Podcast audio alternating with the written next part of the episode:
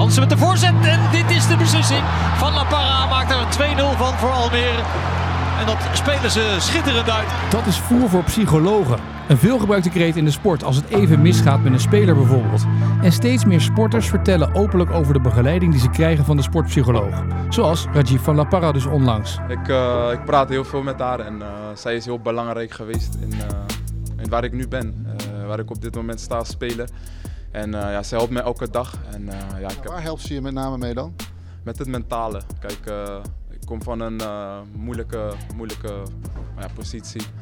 Ik zat heel, heel lang zonder club. Kom je bij Almere terecht, kom je met de achterstand. En ja, zij gaf me steeds het vertrouwen die ik eigenlijk een beetje in mezelf verloren was. Het helpt ze om om te gaan met de druk of tegenslagen in de sport. Of je nu voetballer bent, basketballer of een andere sport doet. Het trainen van het brein en het brein zelf krijgt ook steeds meer aandacht. Het is dan ook het thema in deze editie van De Kracht van Sport. In de studio zitten Michiel Kramer en Francisco Elson weer. En de aanleiding is natuurlijk ook het ongeluk met RKC-doelman Etienne Fase. En hoe je daarmee omgaat als bijvoorbeeld spelersgroep. Uh, Michiel, voordat we uh, verder gaan daarover, even de vraag: hoe is het überhaupt met Etienne? Nee, het gaat wel nu al wat minder, hoor. Ja? Het ging uh, een paar dagen goed, maar nu heeft hij. hij is een paar keer buiten wezen wandelen. Hij zegt, maar het gaat nog niet helemaal gaat nog niet helemaal lekker. Dus daarna is hij wel echt anderhalf uur wel echt goed moe. Dus dan gaat hij ook even slapen. Dus ja, het zal nog wel even duren voordat hij weer, ja. weer terug is. Een behoorlijk klapje geweest. Maar, en hoe is het met jullie brein binnen de club? Want ik kan me voorstellen, wat, wat je zag na die wedstrijd, de onredderdheid bij iedereen. Ja. Uh, tijdens die wedstrijd, met die doeken. Nou ja, kijk, kijk, kijk uh, als, je, als je een teamgenoot ziet die op de grond ligt, natuurlijk helemaal knock-out. Dat zag ik al vrij snel. Dus Jij bent gelijk vanaf de kant ja, het veld maar heen. ik vond al dat hij heel erg raar viel, want hij viel een beetje zijwaarts. En als je een keeper kent, die maakt, maakt zich vaak breed en ja. groot. En hij viel soort van een beetje zo naar rechts. Dus dat vond ik al raar. En uh, toen liep natuurlijk Bobby tegen hem aan. En toen zag gelijk dat hij helemaal weg was. Dus daar, de, daarom reageerde ik zo snel. Maar het is wel, uh, het is wel schrikken. En op een gegeven moment loop ik naartoe. En dan hoorde ik een van de teamgenoten zeggen dat, dat hij aan het happen was naar adem. Dus had zijn tong ook niet ingeslikt. Maar dat is dus naar achter ja. geschoven. Die moet dus eerst naar voren. En toen werd dat gedaan en vervolgens probeert onze dokter contact te krijgen met hem. En dat, dat lukt dus niet. Nee. En dan begin je met reanimeren. Maar ik was toen al omgedraaid. En toen keek ik dus. Toen zag ik dat hij gereanimeerd wordt. Ja, dat denk ik vaak. Of hij hartstilstand. Of uh, weet je, ja. het alle nee, echte. daarom, ja. Dus, dus daar was voor mij eigenlijk de, de, de schrik van. En dat was bij mijn teamgenoten ook natuurlijk het geval. En dat is iets wat, wat niet zo'n fijn gezicht is om te zien of, of om mee te maken. Dus, maar word je daar wakker ja. van s'nachts nog? Oh, zie je dat nou, nog vaak terug? Dat, niet? dat, dat niet, omdat het gekke is dat je dan uh, op een gegeven moment zegt de scheidsrechter, nou hij is weer bij. Dus uh, dan ben je, al, althans ik ben dan al wat rustiger. Maar er waren natuurlijk teamgenoten die waren aan het huilen en die waren uh, best wel aangedaan. Nou, toen gingen we naar de kleedkamer en toen mochten we daar niet heen omdat hij in de kleedkamer lag. Dus dan stonden we eigenlijk buiten. En nou, vervolgens gaat hij natuurlijk naar het ziekenhuis. Toen kunnen wij weer in de, in de kleedkamer. En dan gaat onze dokter even uitleggen wat er nou is gebeurd. En die zei, ja, het protocol is gewoon op het moment dat je dus geen contact krijgt met de spelers, of het nou geen hartstilstand of gewoon helemaal geen bewustzijn is, dan begin je gewoon met reanimeren. Dat is dus ja. blijkbaar niet het nieuwe, maar dat is dus blijkbaar wat ze, wat ze nu moeten doen. En dan ben ik alweer wat rustiger, dat ik denk van oké, okay, ja, blijkbaar is dus dit uh, het geval als, als uh, iemand buiten bewustzijn is. Dus ja, dan uh, hoop je eigenlijk dat alles goed gaat. En de resultaten waren eigenlijk best oké. Okay. Dus ja. dat brengt bij mij alweer meer rust. Maar ja, voor de een is het wel wat pittiger dan de ander. En ja, of we er echt last van hebben, dat kan ik altijd moeilijk aangeven. Omdat niet iedereen daar open, is, open in is natuurlijk. Dus ja. Heb, je, even, heb je wel eens meegemaakt op het basketbalveld dat er een uh, collega basketballer ineens in elkaar zakte? Uh, nee, nee, helemaal niet. Nee. Ik heb wel meegemaakt dat wij tegen de Atlanta Hawks moesten spelen. En een paar dagen van tevoren kregen wij te horen dat een speler was overleden in zijn slaap. Oh, echt? Ja, niet meer wakker geworden, ja. Dus dat was wel even schrikken. Toen dacht ik ook bij hem zo, oké, okay, gaat deze wedstrijd wel gewoon door? Ja, die wedstrijd ging gewoon door. Dat vond ik wel, ja, wel een dingetje natuurlijk, omdat ik wel met mijn broer natuurlijk dat Ja. heb meegemaakt. Voor, de, voor mensen die weten, jouw broer is op 19, zeg 18 jaar geleden 21 Of jaar 21 jaar overleden, ja. overleden in de basketbalzaal. Ja, ja. Ja. Dus toen dacht ik ook bij mezelf, shoot, dan gaat er wel een dingetje spelen natuurlijk, dat je, als je dan iets aan je lichaam voelt, dat je gelijk gaat nadenken van, oeh, heb ik iets of gebeurt er iets? Maar niet dat ik eh, tijdens het spelen iemand zie neerklappen of neervallen, dat hij dan ineens eh, gereanimeerd moet worden of zo. Maar ik zag het ook gebeuren. Ik zat toevallig te kijken naar die wedstrijd van Ajax destijds met Nouri. En ik zag het ook gebeuren. Hij viel ineens en ik zag het ook met eh Eriksson gebeuren. Dat zat ik ook te kijken. Toen dacht ik, oh wauw. zijn wel die momenten dat je echt kippenvel krijgt. Dus ik kan me helemaal, zeg maar, in Michiel Kramer zijn, ehm, zijn situatie bedenken. Dat ja, is gewoon niet leuk en voelt niet prettig. En het zal bij heel wat spelers bijblijven natuurlijk. Elke keer als een keeper neergaat of een speler doorloopt op de keeper. En die keeper wordt geraakt. Dus het, wat, wat ook wel heel gek is om dat het niet vaker gebeurt. Want die keepers komen ook als een malle. En die spelers gaan ook als een malle achter die bal aan. Ja. Ehm, dat het niet vaker gebeurt. Nee, precies. Want ja, in voetbal is het natuurlijk misschien wel is meer nog een contactsport in die zin met knieën en voeten dan bij basketbal natuurlijk, waar je vaak alleen maar als je pech hebt de vuist krijgt. En de slechte tijden van deep ik bedoel, als je in de lucht en je knalt tegen elkaar op, bijvoorbeeld je probeert een bal te, Ja. te blokken, dan kan je ook verkeerd landen. En Ja, je kan verkeerd landen, maar dan heb je een, Maar- een, een, een, een ja, enkel... of, of je vangt jezelf Ja. op met je handen, dat kan nog. Maar als je op je nek belandt, Ja. dan, dan weet je, want die spelers komen met volle snelheid op die basket af. En als ze dan tegen elkaar opbotsen, ja, dan kan het zo zijn dat de ene omkiept. En dan, dan kan die heel slecht landen hoor. Eh, dat zag je ook met Ja Morant. Want die gasten komen erg hoog, eh Etienne. Die gasten komen erg hoog. Dat is echt bizar. Ja. Maar goed, eh, ja, gekke situaties. Ja, precies. En eh, dan de, daarna, hè, want je hebt dan zeg maar, je hebt zo'n situatie meegemaakt. En je hebt dat een speler die is overleden en een paar dagen later spelen. En jij maakte bij RKC mee eh, met Etienne Fase wat er dan gebeurt. Volgende dag allemaal op de bank bij de psycholoog of niet? Want het is tegenwoordig Eh. heel hip om een psycholoog op de bank te hebben zitten ook, hè, de sportpsycholoog. Nou ja, ja dat, dat, dat, dat zei jij net, ja. Maar, Almere eh, City. Ja, hebben de, de ja. psycholoog op de bank zitten. 1% Ja, de, ja. Alex Pastoor schijnt eh, hè, altijd eh, stapjes eh, voor te zijn op de rest. hè? eh, Schijnt, als het 1% schijnt, schijnt. verschil maakt, zegt Alex altijd. Ja, mooi. Zou dat ook snoes eh, patiënten zijn bij hem in het elftal? ja. Nee, dat, dat weten we dan niet. Hè? Nee, maar psychologen op de bank, wat voor impact heeft dat? Nee. Nou, überhaupt weet je, de sportpsycholoog wordt... Maar goed, even op Ja. jouw vraag terug te komen. Oh. We hadden dus de volgende dag wel eh, dat de psycholoog die bij ons eh, loopt, eh, eigenlijk met iedereen, dus zowel de mensen van kantoor als technische staf, medische staf en de spelers, allemaal in één ruimte. En toen hadden we eerst Etienne gebeld via de Zoom-meeting. Ja. En nou, toen had hij, was ook wel emotioneel bij hem. En vervolgens had onze psycholoog, die gaat dan eigenlijk heel simpel uitleggen van... luister, dit is een gebeurtenis zeg maar, die bij jou iets op kan roepen wat in je verleden is gebeurd. Een Of- trauma, Een ja. trauma. En iedereen gaat daar op een andere manier mee om. En ehm, het belangrijkste is om dat natuurlijk uit te spreken. Maar goed, dat, is, dat blijft natuurlijk in de voetballerij altijd nog een beetje lastig... om dat echt daadwerkelijk uit te spreken, zeker op dat moment. Maar er zijn dus wel jongens die daar dan eh, op reageerden... of mensen vanuit de, de organisatie daarop reageerden. Dus... ehm, om het soort van een beeld te geven van wat er nou precies gebeurt met jou als persoon.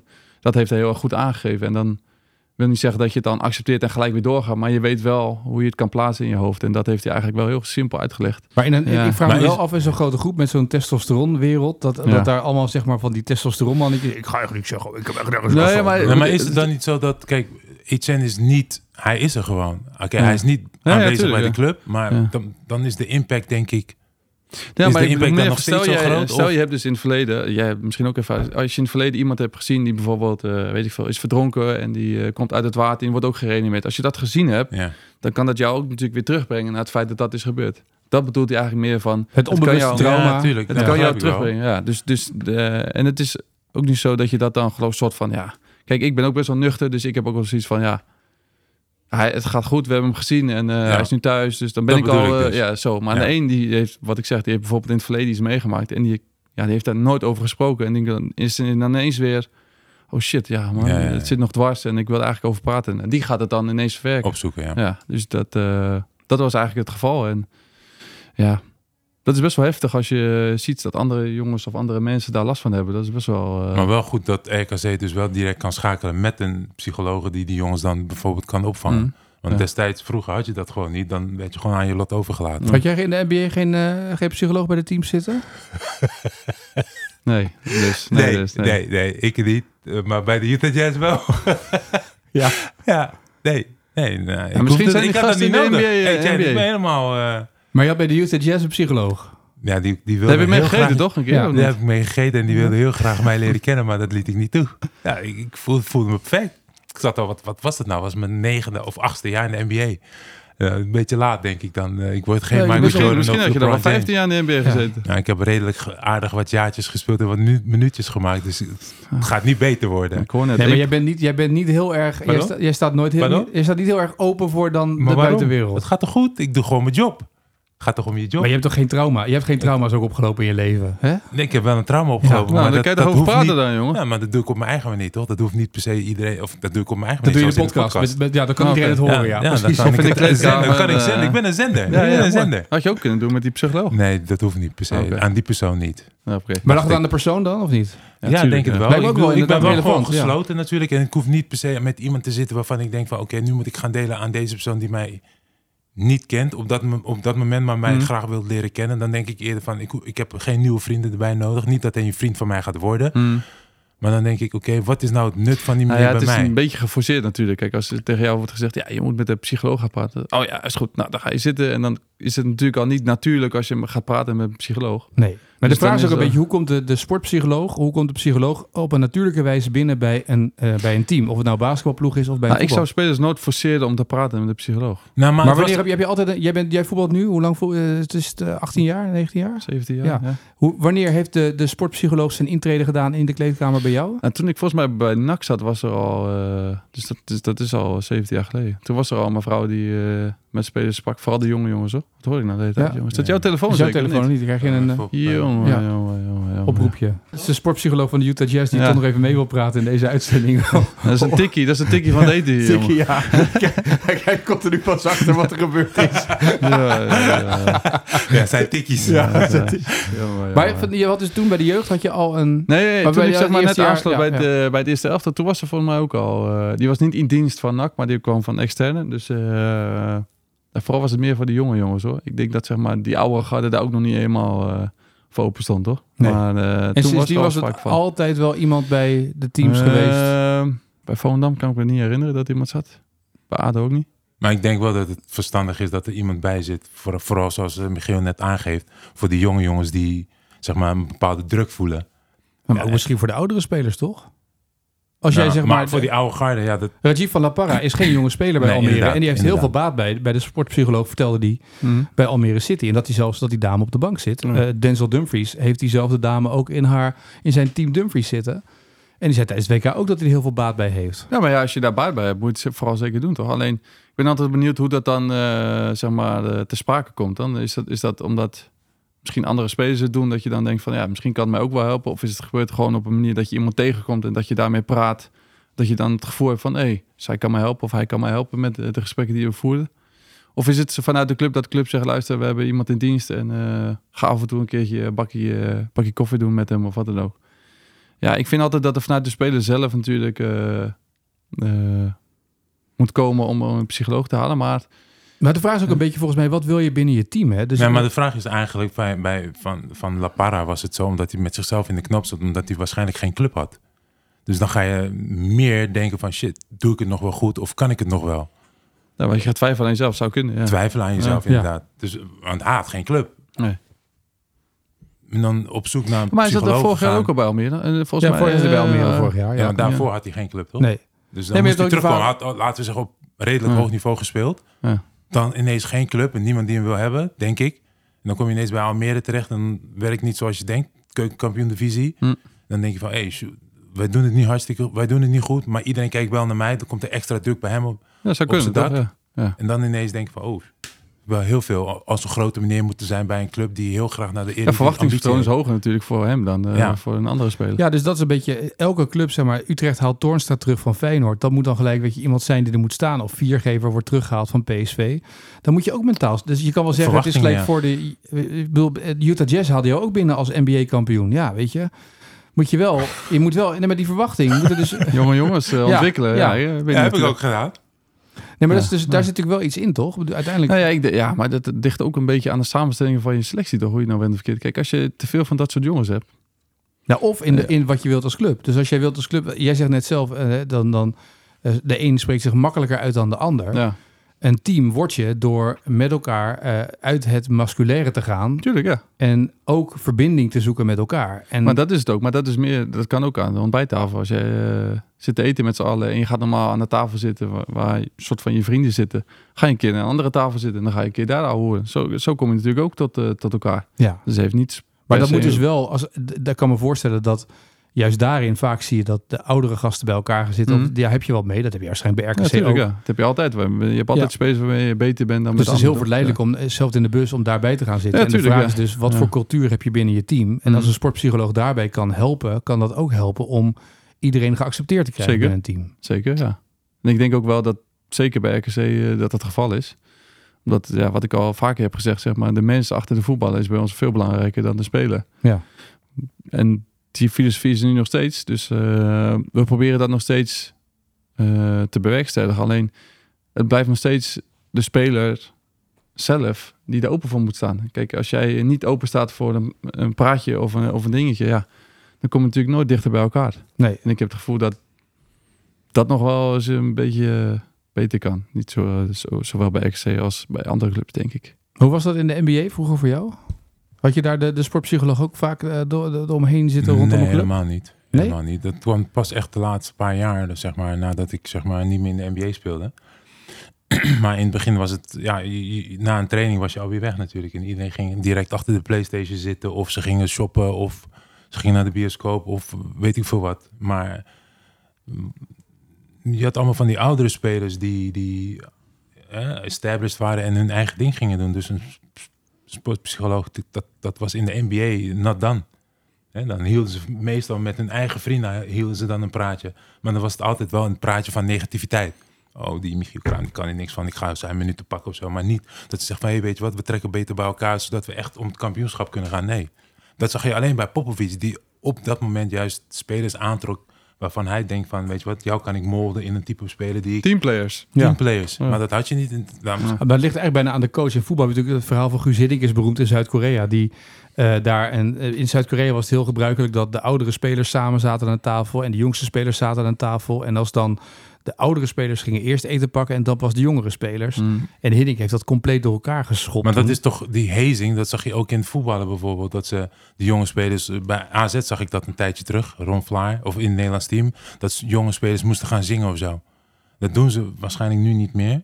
Als ze de eerste keer in Interland hebben gespeeld. Interland of als Of ze als je net nieuw bij bent het bij de club. Ja, en, bij nieuw bij de Ja, club wordt dat ook ja, dat zie je nu minder in de NBA. Je ziet het nog wel, maar minder. Mm. Maar vroeger, ja, dan was het, moest je de tassen dragen en dat soort dingen. Dus ik denk nu dat ze wat meer, zoals je zegt, teamplayers hebben bij elkaar. Echt een family, want family dat wint meestal van Uiteindelijk wel, ja. Maar juist in de familie heb je ook spelers nodig die het verschil kunnen Ja, maken. tuurlijk, en dat zijn misschien vaak nodig. wat meer de egoïstische spelers ja. dan echte teamplayers, toch? Ja. Ja. Dus ik denk dat je daar wel een perfecte balans in moet vinden. Alleen, ja, dat is best wel moeilijk natuurlijk, omdat iedereen wil eh 22 teamplayers, maar ga je daarmee winnen? Nou, Maar het lijkt me ook heel lastig om dat, want dan, dan ga je eigenlijk bijna een stap verder. Je hebt dus psycholoog heb je zitten. De trainer is dan vaak de, in eerste instantie de psycholoog. En als iemand heel goed een team kan formeren, hè, als dat goed aanvoelt, dan is dat al een winst één. Maar het wordt tegenwoordig ook heel veel gemeten, zeg maar. Je wordt tegenwoordig al breintraining aan het begin gedaan bij jeugdspelers en bij jonge voetballers om te zien of ze eh, het goede brein hebben. Om, Ja, ik vind dat wel heel ver gaan allemaal hoor. Jezus, zeker op jonge leeftijd, toch? Nou ja, maar als jij ziet dat iemand heel goed kan scannen of dat soort dingen, of dat hij een Ja. bepaald vermogen heeft om een bepaald misschien wel de positie waar je iemand opstelt. Ja, maar als jij, als jij naar jonge spelers gaat kijken, dus gewoon puur met je ogen gaat kijken, dan kan je toch ook zien of iemand in Ja, zich maar heeft, bent een ja beetje van de ouderwetse stempel nu, hè? Het is tegenwoordig allemaal Ja, maar, aan data ja, gerelateerd. of maar mensen data- dat ja, maar dat gaat- hoeveel gaat bij zijn goed, omgeving dan nog? Of zo'n jonge speler kan toch ook nog? Zo'n omgeving kan Maar ben je al ontwikkeld als je 12 bent? Eh 13? Nee, Nee, nee. nee. Dus, dus, of maar het heel veel nut het- heeft, weet ik ook niet. Ze meten het door natuurlijk, hè? door de jaren heen. Kijken ze wat daar Ja, gebeurt. begrijp ik. Maar goed, ja, je, je kan het beter gebruiken denk ik op het moment dat jij eh, bij het eerste elftal zit. En dan, eh, maar ik hoor wel dat jij geen brain first eh, dingetjes nee, hebt gedaan, dat- hè? Nee, nee. Maar dat, ik vind- het ook onzin, omdat het, het gaat wel heel ver allemaal. Hè, met de data's, eh, met eh, allemaal dingetjes. Het is, voor mij hoeft het allemaal niet. Volgens mij met het oog kan je bijna alles zien. En jij? Hoe sta jij erin? Nou, en ik hoorde altijd van eh, destijds in het rood staan. En vroeger had je dat niet. Vroeger ging je gewoon dwars er doorheen.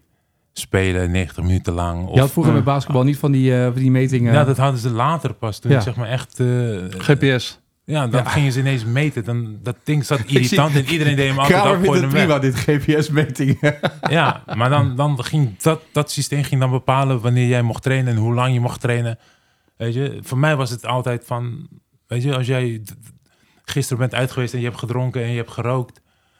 Prima, als je niet wil spelen, kreeg ik meer minuten. En dan ging ik me gewoon helemaal zo, omdat ik heel graag wilde spelen. Hmm. Maar dan moet je eigenlijk gewoon voor jezelf zorgen of je nou fit bent of niet. Toch? Tuurlijk, ja. Ja, maar niet dat jij over ineens gaat bepalen met, de, met, dat- met GPS. Maar dat gaat over een, een fysieke fitheid, hè? Maar de mentale Maar men- fitheid is mentale natuurlijk ook, misschien toch? nog wel... Dit soort dingen, als je dit weet of kan inzien of kan...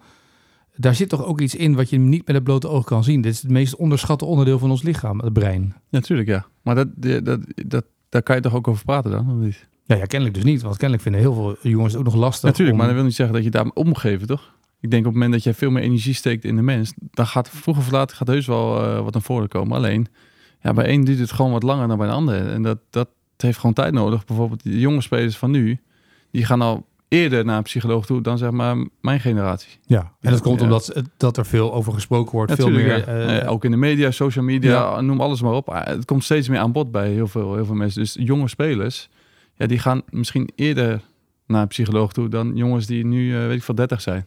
Ja, ik denk dat in de NBA nu wel heel serieus wordt genomen vanwege de situatie. Ook, je bent een eh, NBA-volger, Dalante West. Eh, die speelde bij eh, Cleveland Cavaliers. Eh, de rumor was dat hij met LeBron James, bla bla bla, zijn moeder wat had gedaan. Maar op een gegeven moment zie je ook gewoon dat die jongen aftakelt. Maar vooraf aan perfect. Alles was goed, eh, had zin in basketballen. Zoveel druk komt ineens op de jongen terecht. En dan ineens knakt hij ergens. Dus hoe, hoe meet je dat dan? Wanneer, ga je, wanneer zie je aan die persoon met het blote oog? Of wanneer ga je dan bij hem meten van hoe het zijn mentale staat is? Ja. Nou ja, Want- want ik die denk als, jongen- iemand, als iemand op Instagram met een pistool zwaait, dat je dan op zich wel weet dat het misschien wat mentaal wat mis is. maar dat is dan denk ik ook zijn, Even zeg maar om even... Ja. zijn omgeving, toch? Nou, weet ik niet. Hij doet dat toch? Ja. Dat, is zijn, dat is die mentale... Dat, ja, ik denk dat druk is van de omgeving. Dan heb je het over die Jamarant dan? Ja, Ja, dat is druk van de omgeving. Ja dat is want stoer- de omgeving zegt, zwaai je even met een pistool en dan filmen wij dat hartstikke lachen. Ja, maar dat is ook bijvoorbeeld hetzelfde met jongens die eh, snoes of wiet roken in de NBA. Waarom zou je dat doen? Terwijl je weet van ik speel op het allerhoogste niveau. Dat heb jij niet nodig. Misschien Waarom- om rustig worden. Ja, misschien Ja, wel om dan, rustig dan, te worden. Dan ja. doe je je koptelefoon op, toch? Ja, jij. van die Ja, ja, doen maar de een die doet eh Snoes? snoes. Daar word je rustig van. Wiet? En daar word je rustig van, jongen. Dus Volgens mij doen ze in de Nou, NBA volgens gewoon geen krijg je daar controle. honger van. Nou, Volgens mij doen ze in de NBA geen controle meer op wie, toch? Dit, sinds dit jaar. Volgens mij is dat iets wat ze nu hebben Ja, maar je aangepakt. hebt niet die, die medicinale marihuana, dus dat... Maar het is toch ook heel raar dat je dat überhaupt als topsport... Maar het heeft allemaal, allemaal te maken natuurlijk met, met de druk en de stress die erbij komt kijken. Ja. toch? Dus eh, met het verwachtingspatroon, misschien de druk die je zelf oplegt, de druk die je van buitenaf voelt, de druk die je van je medespelers Ja, voelt. maar die, alles die wat... blijf je altijd wel behouden natuurlijk. Ja, maar de een die denkt als ik snoes in mijn mond doe, dan is die druk daarin minder. Of heb ik wat meer rust in mijn hoofd. Ja. En de een die denkt... Terwijl eh, je weet dat eh, snoes eh, super schadelijk is is. voor Ja, het of lichaam. Red Bull. Ja, het is Ja. net hoe je het ziet natuurlijk. En, Ja. ja. Dat je, En dan- dan- dan, dan- dat je op de bank doe je snoes en als je dan het veld in moet, doe je Red Bull. Dat is een hele goede combinatie. Hele goede. Maar Dan, dan heb je even een boost van een ja. uur en dan... Ja. is Dan is, die, eh, Voor die 10 minuten tegen sportpsycholoog Ajax. echt gewoon Ja. nodig. Nee, maar dus de vraag is inderdaad, die sportpsycholoog op de bank, wat kan dat toevoegen? Hè? Want we begonnen erover. Ja. Op de bank vind ik het eh, niet. Maar ik, ik zou dat ook nooit op de bank doen. Maar Wat ja, zit je dan met ouderwetse Ja, maar eh, even, zou, als, zou jij, als jij dus een eh, psycholoog op de bank hebt zitten. Maar er zijn ook spelers die helemaal niks met een psycholoog hebben. Nee, maar er zijn ook trainers die niks hebben met psychologie en daar als een soort van ijskonijn langs de kant staan en zeggen en nou ga je voetballen en je bek houden en gaan. En de Ja, vraag is of dat maar- de manier is waarop je... Ja, maar dan zou je kunnen zeggen, oké, dan gaat die trainer misschien even praten met de psycholoog. Ja, maar dan leg je de, de, de- wat, wat, laat ik zo zeggen, wat zou het, als het een verschil maakt, waarom zou je Ja, maar het zou niet het doen? echt een verschil maken? Het zou een verschil maken voor de speler, toch? Maar wat voor niet- invloed krijgt die persoon dan? Want als, als Ze mag niet met- eh, eh, Alex Pastoor heeft gezegd, ze, ze doet niet het woord eh, rondom de wedstrijdbesprekingen en dat soort dingen allemaal. Alleen zij ziet dingen die ik dus niet zie. En ik kan mij voorstellen hoe een trainer in een wedstrijd zit, maar dat weten jullie beter dan ik, want jullie zien die trainer steeds langs de lijn, hebben jullie dat gezien? Hmm. Die zitten in die wedstrijd. Die zien wat er allemaal misgaat. Ja, prima. Ja. Maar dan gaat zij dus iets zien in Michiel Kramer. En dan gaat ze naar de trainer lopen en zegt van... Hé, hey, Michiel Kramer zit er waarschijnlijk... Hij zit... Wat, wat... En dan? Maar die trainer, die, die Alex Pastoor is toch zo gefocust op die wedstrijd van tactiek. Wat speelt de andere team? Oké, en dan komt zij ineens zeggen van... Hey, Dus Michiel Kramer wordt gewisseld in minuut 60. Terwijl hij eigenlijk denkt, ik kan nog 20 minuten door. En hij loopt boos lang, langs Henk Vrezer, omdat hij gewisseld Ja, is. En denkt, wat is dit voor gezeik? Waarom? Met een houding en een attitude. Dat Hm. kan. Hm. Maar dat kan misschien, als een eh, psycholoog daarbij zit... kan dat misschien ook wel een hoop gedoe weghalen... aan de achterkant van die wedstrijd. Waardoor, dat kan hè? Ik, denk eens even, ik ben even nu... Maar ik denk het niet hoor, maar ik denk meer dat Pastoor staat er dus wel voor open. En Ja. die vindt het ook niet erg dat zij er is. Wij zouden Alex. Pastoor een keer moeten uitnodigen in onze Bijvoorbeeld, podcast. misschien En kan hij het zeggen, uitleggen. Ik vind het echt best wel boeiend. Ja, daar dus, Open vizier, hè? Ja, maar hij heeft eigen podcast daarover. Maar we kunnen best wel een keer Alex uitnodigen. Open vizier. Oh, ja. ja, Ja, goed idee. Ja. Ja, maar, maar, maar zij zit dus op de bank. Dan hoop ik dat zij dan... Ja, Van La Parra die speelt dan. Ja, dan is zij waarschijnlijk gericht op hem. Maar al die andere spelers dan? Wat doet ze dan met... Ja, maar daarom zeg ik, misschien is dat de spelers, misschien hebben de spelers aangegeven. Althans, nu Misschien, eh, ja. eh, Ja. Van der Parra gaat, die praat met haar. Ik weet niet of er meerdere jongens bij Almere zijn die met haar praten. Misschien zou het zijn dat zes, zeven jongens zeggen, ja, ik vind het misschien wel prettig als ze op de bank zit. Kan. Ik kan het me niet voorstellen, maar het kan wel natuurlijk. En als dat het verschil zo. maakt door Van La Parra die goal maakt en waardoor... Ja, maar ja, zou dat, dat een verschil maken dan? Of Nee. dat Utrecht met 10 man staat en eh, dat, maar, dat- maar zijn goal was ook een lucky goal, toch? Die bal kwam boven op zijn knie. Serieus? Arme jongen. ja, maar, Ja. ja. maar Ja, dat is, ah, heeft het hij is een allemaal. goal, dat het is een goal. En hij heeft het allemaal te danken aan haar. Hm. Ja, apart. Ja, ik, heb, ik merk aan jullie een heerlijk soort vorm van... van Nee, ja, nee, maar nee, ik vind dit niet. interessant, super. Ik vind het ik echt vind het ook wel interessant, omdat, ik, interessant om te omdat ik weten. denk dat zeg maar mentaal en ja, dat weet hij ook. In de topsport is het maar één ding het meest belangrijk, dat is je hoofd. ja. En voor de rest, je kan een talent hebben, je kan misschien wel de beste zijn eh, ter wereld, maar als je mentaal niet goed zit, Ik kan me voorstellen voor Fase nu, die komt zo meteen terug. Het moment dat, dat je weer uit de goal gaat komen, überhaupt op een training, en dat je, dat je vijf keer je lichaam anders gaat Nou draaien. ja, bijvoorbeeld, ja. Maar Welk moment ga je je, ik even in? omdraaien. Wat dacht je van de keeper die nu bij ons moet spelen, Jeroen Houwen? ja. Hoe, hoe is dat voor hem? Ja. Want die moet dus nu gaan keepen onder omstandigheden dat een keeper zwaar eh Geblesseerd is. Die valt dus uit. Misschien ook wel, nou, je weet het nooit. En die moet dus nu gaan keepen. Dus er wordt er van hem verwacht dat hij wel even zijn werk doet. Want zo is voetballerij. Je moet Ja, wel presteren. moet hè? wel- Tof ja, wordt, hè? Dus je gaat wel presteren. Maar voor hem is het misschien nog wat moeilijkste voor ons allemaal. Omdat hij gaat dus spelen omdat er een ernstige blessure is bij een keeper. En er wordt wel van hem verwacht dat hij het eventjes goed doet. En Ja. ik denk dat voor hem mentaal veel zwaarder is dan voor ons. Maar gelukkig hebben jullie dan een soort sportpsycholoog. Ja, nou, Ja. je praat er dan over. Maar ik bedoel meer van...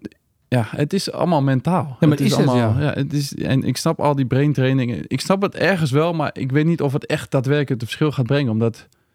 Ja, het, Maar je het- moet weten hoe dat me- brein van iemand... Kijk, lastig is dat dat brein zo... eh, we kunnen alles over zeggen en doen, maar dat brein werkt op een bepaalde manier. Mhm. En 99% van de tijd zit je in het onbewuste brein en maar Tuurlijk, 1% ja. in het bewuste brein. Ja. En dat onbewuste brein maakt dat het, dat het handelt vanuit het automatisme. En als je dat dus ergens kan sturen of weten of daarmee om kan gaan, Mhm. wordt het denk ik op de lange termijn makkelijker. Maar, maar dan volgende vraag. Hè. We kennen allemaal de situatie, denk ik, van eh, eh, Nederlands, ik zou zeggen Nederlands beste tennister. Mhm. Hè? Ehm, die zat ook ergens in de Kiki put. Bertens? Kiki Bertens, Ja. die zat ook ergens in de put. Eh Raymond, Sluiter, ja. Raymond Sluiter heeft haar uit die put getrokken, heeft haar top 4 van de wereld gemaakt. Ja. Op een gegeven moment is dat ook gewoon op. Dus jij zegt net, lange termijn heeft het een bepaalde impact. Maar wanneer het knakt, dan zie je gewoon dat ze terugvalt in het oude. Maar de vraag is dus, heeft zij alleen met Raymond Sluiter gewerkt? En Raymond Sluiter is natuurlijk gewoon een tennisser en een coach die iemand naar iets kan brengen, maar is geen sportpsycholoog. En Geen sportpsycholoog, maar heeft haar wel gekregen om de leuke dingen te gaan doen. 100 procent. Maar, daar ben je eigenlijk ook wel een beetje een psycholoog als je dat kan. Ja, tuurlijk, daar ben ik met je eens. Alleen de vraag is hoe duurzaam is het. Dus jou, dat, maar dat kan, ik ben ervan overtuigd dat dat soort dingen dus kunnen in een paar jaar. Ja. Maar dat die. eh, het Raymond Sluiter kan geen trauma's uit het verleden weghalen. die Nee, een psycholoog zeker niet, nee. of een psychiater Nee. wel kan weghalen. Dus dat trauma waar je het over Maar had dat aan is het voor een begin. moment, toch? Ja, Dat- dus dan dat in het een- moment kan, kan Sluiter heel goed, denk ik, bepaalde... Dus zoals bijvoorbeeld ehm, Henk de Jong bij Cambuur, let maar op, die gaan zo meteen winnen.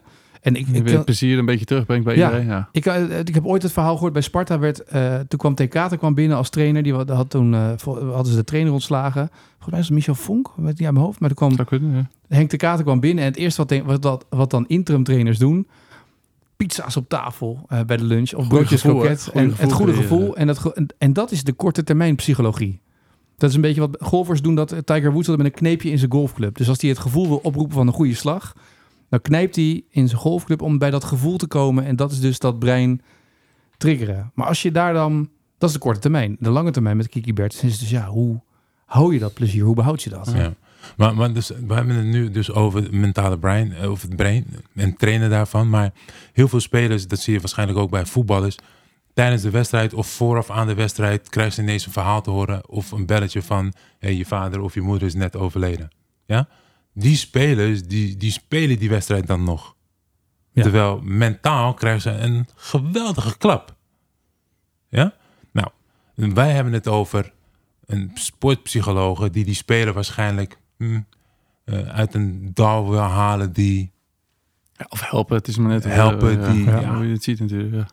hoe, hoe moet ik het niet erger maken dan het is, die een beetje eh, niet tegen de druk kan. Maar een speler die moet gaan spelen omdat zijn vader net is overleden vooraf aan de wedstrijd. Maar Bas Kuipers bij, bij Nou, Go Ahead. Ja, maar ik vind, hier, Dat, dat vind ja. ik wel een heftigere oh, ja, situatie dan... Ik zou als trainer hem nooit opstellen. Om, je, hoe je het went of keert, die kan wel zeggen... ik doe het heel graag voor hem of ik doe het heel graag voor haar. Maar jouw hoofdmaat, die moet eerst nog even Alles proberen alles op een rijtje zetten... van wat is er nou precies gebeurd. Wat, eh, en dus ze moet allemaal een plekje krijgen. Ja, dan kan je niet zomaar gaan voetballen. Dan zou op zich, dan, maar dat zou dan, dan zou een sportpsycholoog op de bank wel heel prettig zijn dat iemand nog kan praten. Ja, maar En goed, jij, dan- jij bent ook een, wij zijn allemaal normale mensen. Als wij horen van, oké, jouw moeder of je vader is overleven net voor de wedstrijd. En ik ben de trainer, dan ga ik toch niet zeggen, maar jij gaat spelen.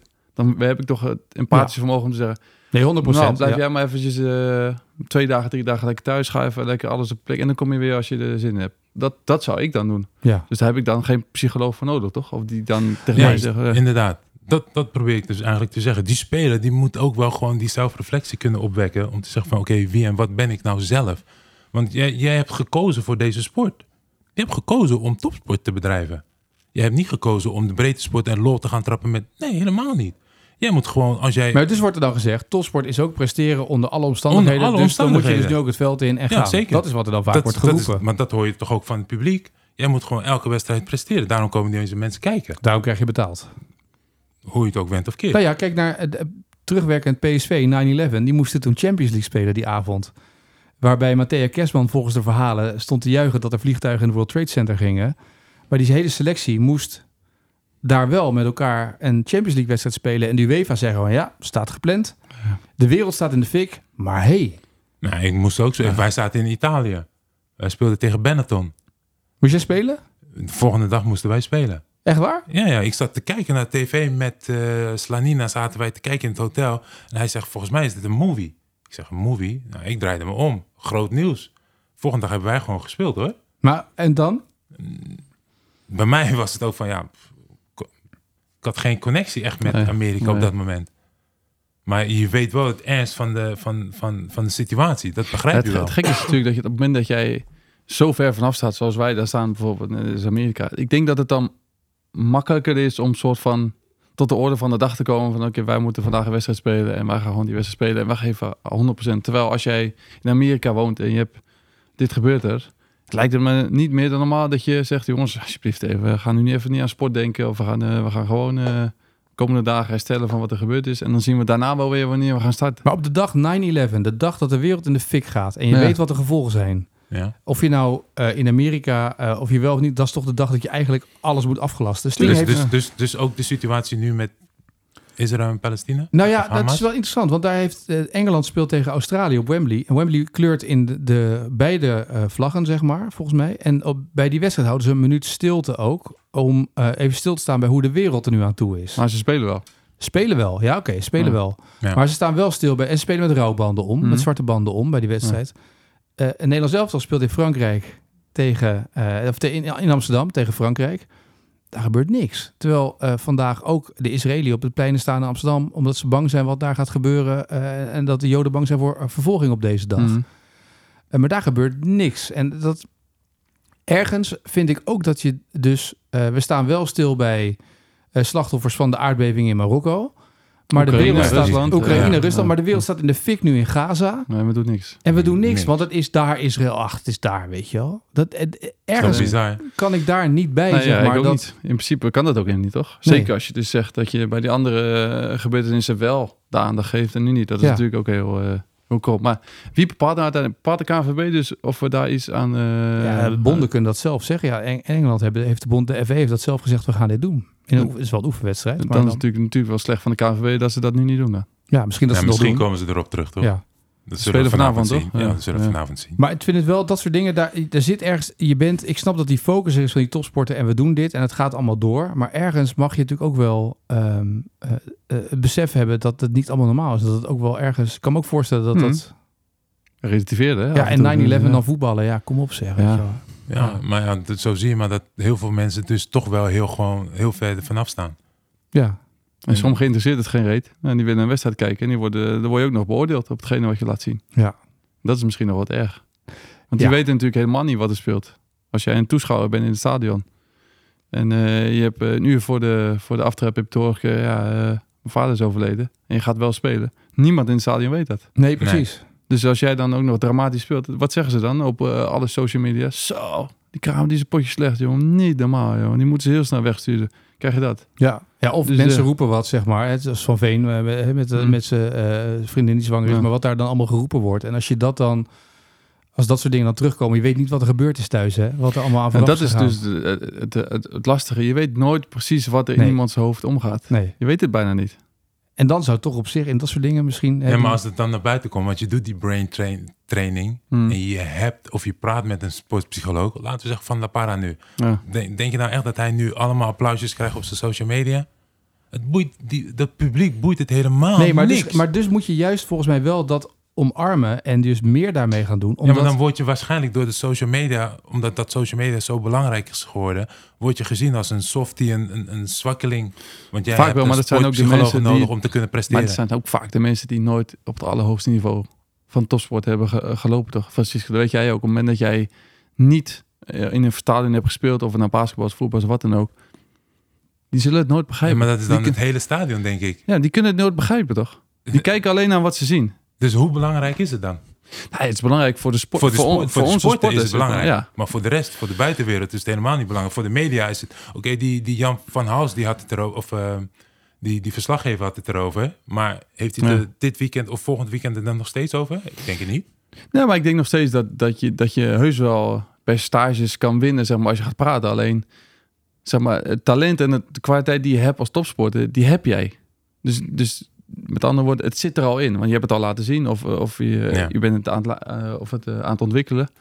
Dus ik snap wel dat het je kan helpen op een bepaalde punt. Maar uiteindelijk ben je het wel zelf die het nog steeds Verantwoordelijk die je, moet doen. je moet het Ja, nog steeds zelf doen. Ja, ja. En natuurlijk heb je hulp nodig. We hebben allemaal hulp nodig. Alleen, ja, uiteindelijk moet je wel zelf tot het besef komen van... luister, dit is graag wat ik wil doen. Dit is het waar ik passie heb, waar ik liefde voor heb. En dan komt waarschijnlijk je kwaliteiten in. Die komen altijd wel En dat is toch wel heel raar dat een sportpsycholoog dus jou moet triggeren. Vind ik eigenlijk wel heel raar. Terwijl jij... nou, dat is, dat is als niet coach- gezegd. Dat is niet gezegd. Nee, nee, maar als coach heb jij... Je wilt die speler heel graag beter laten presteren op zijn manier.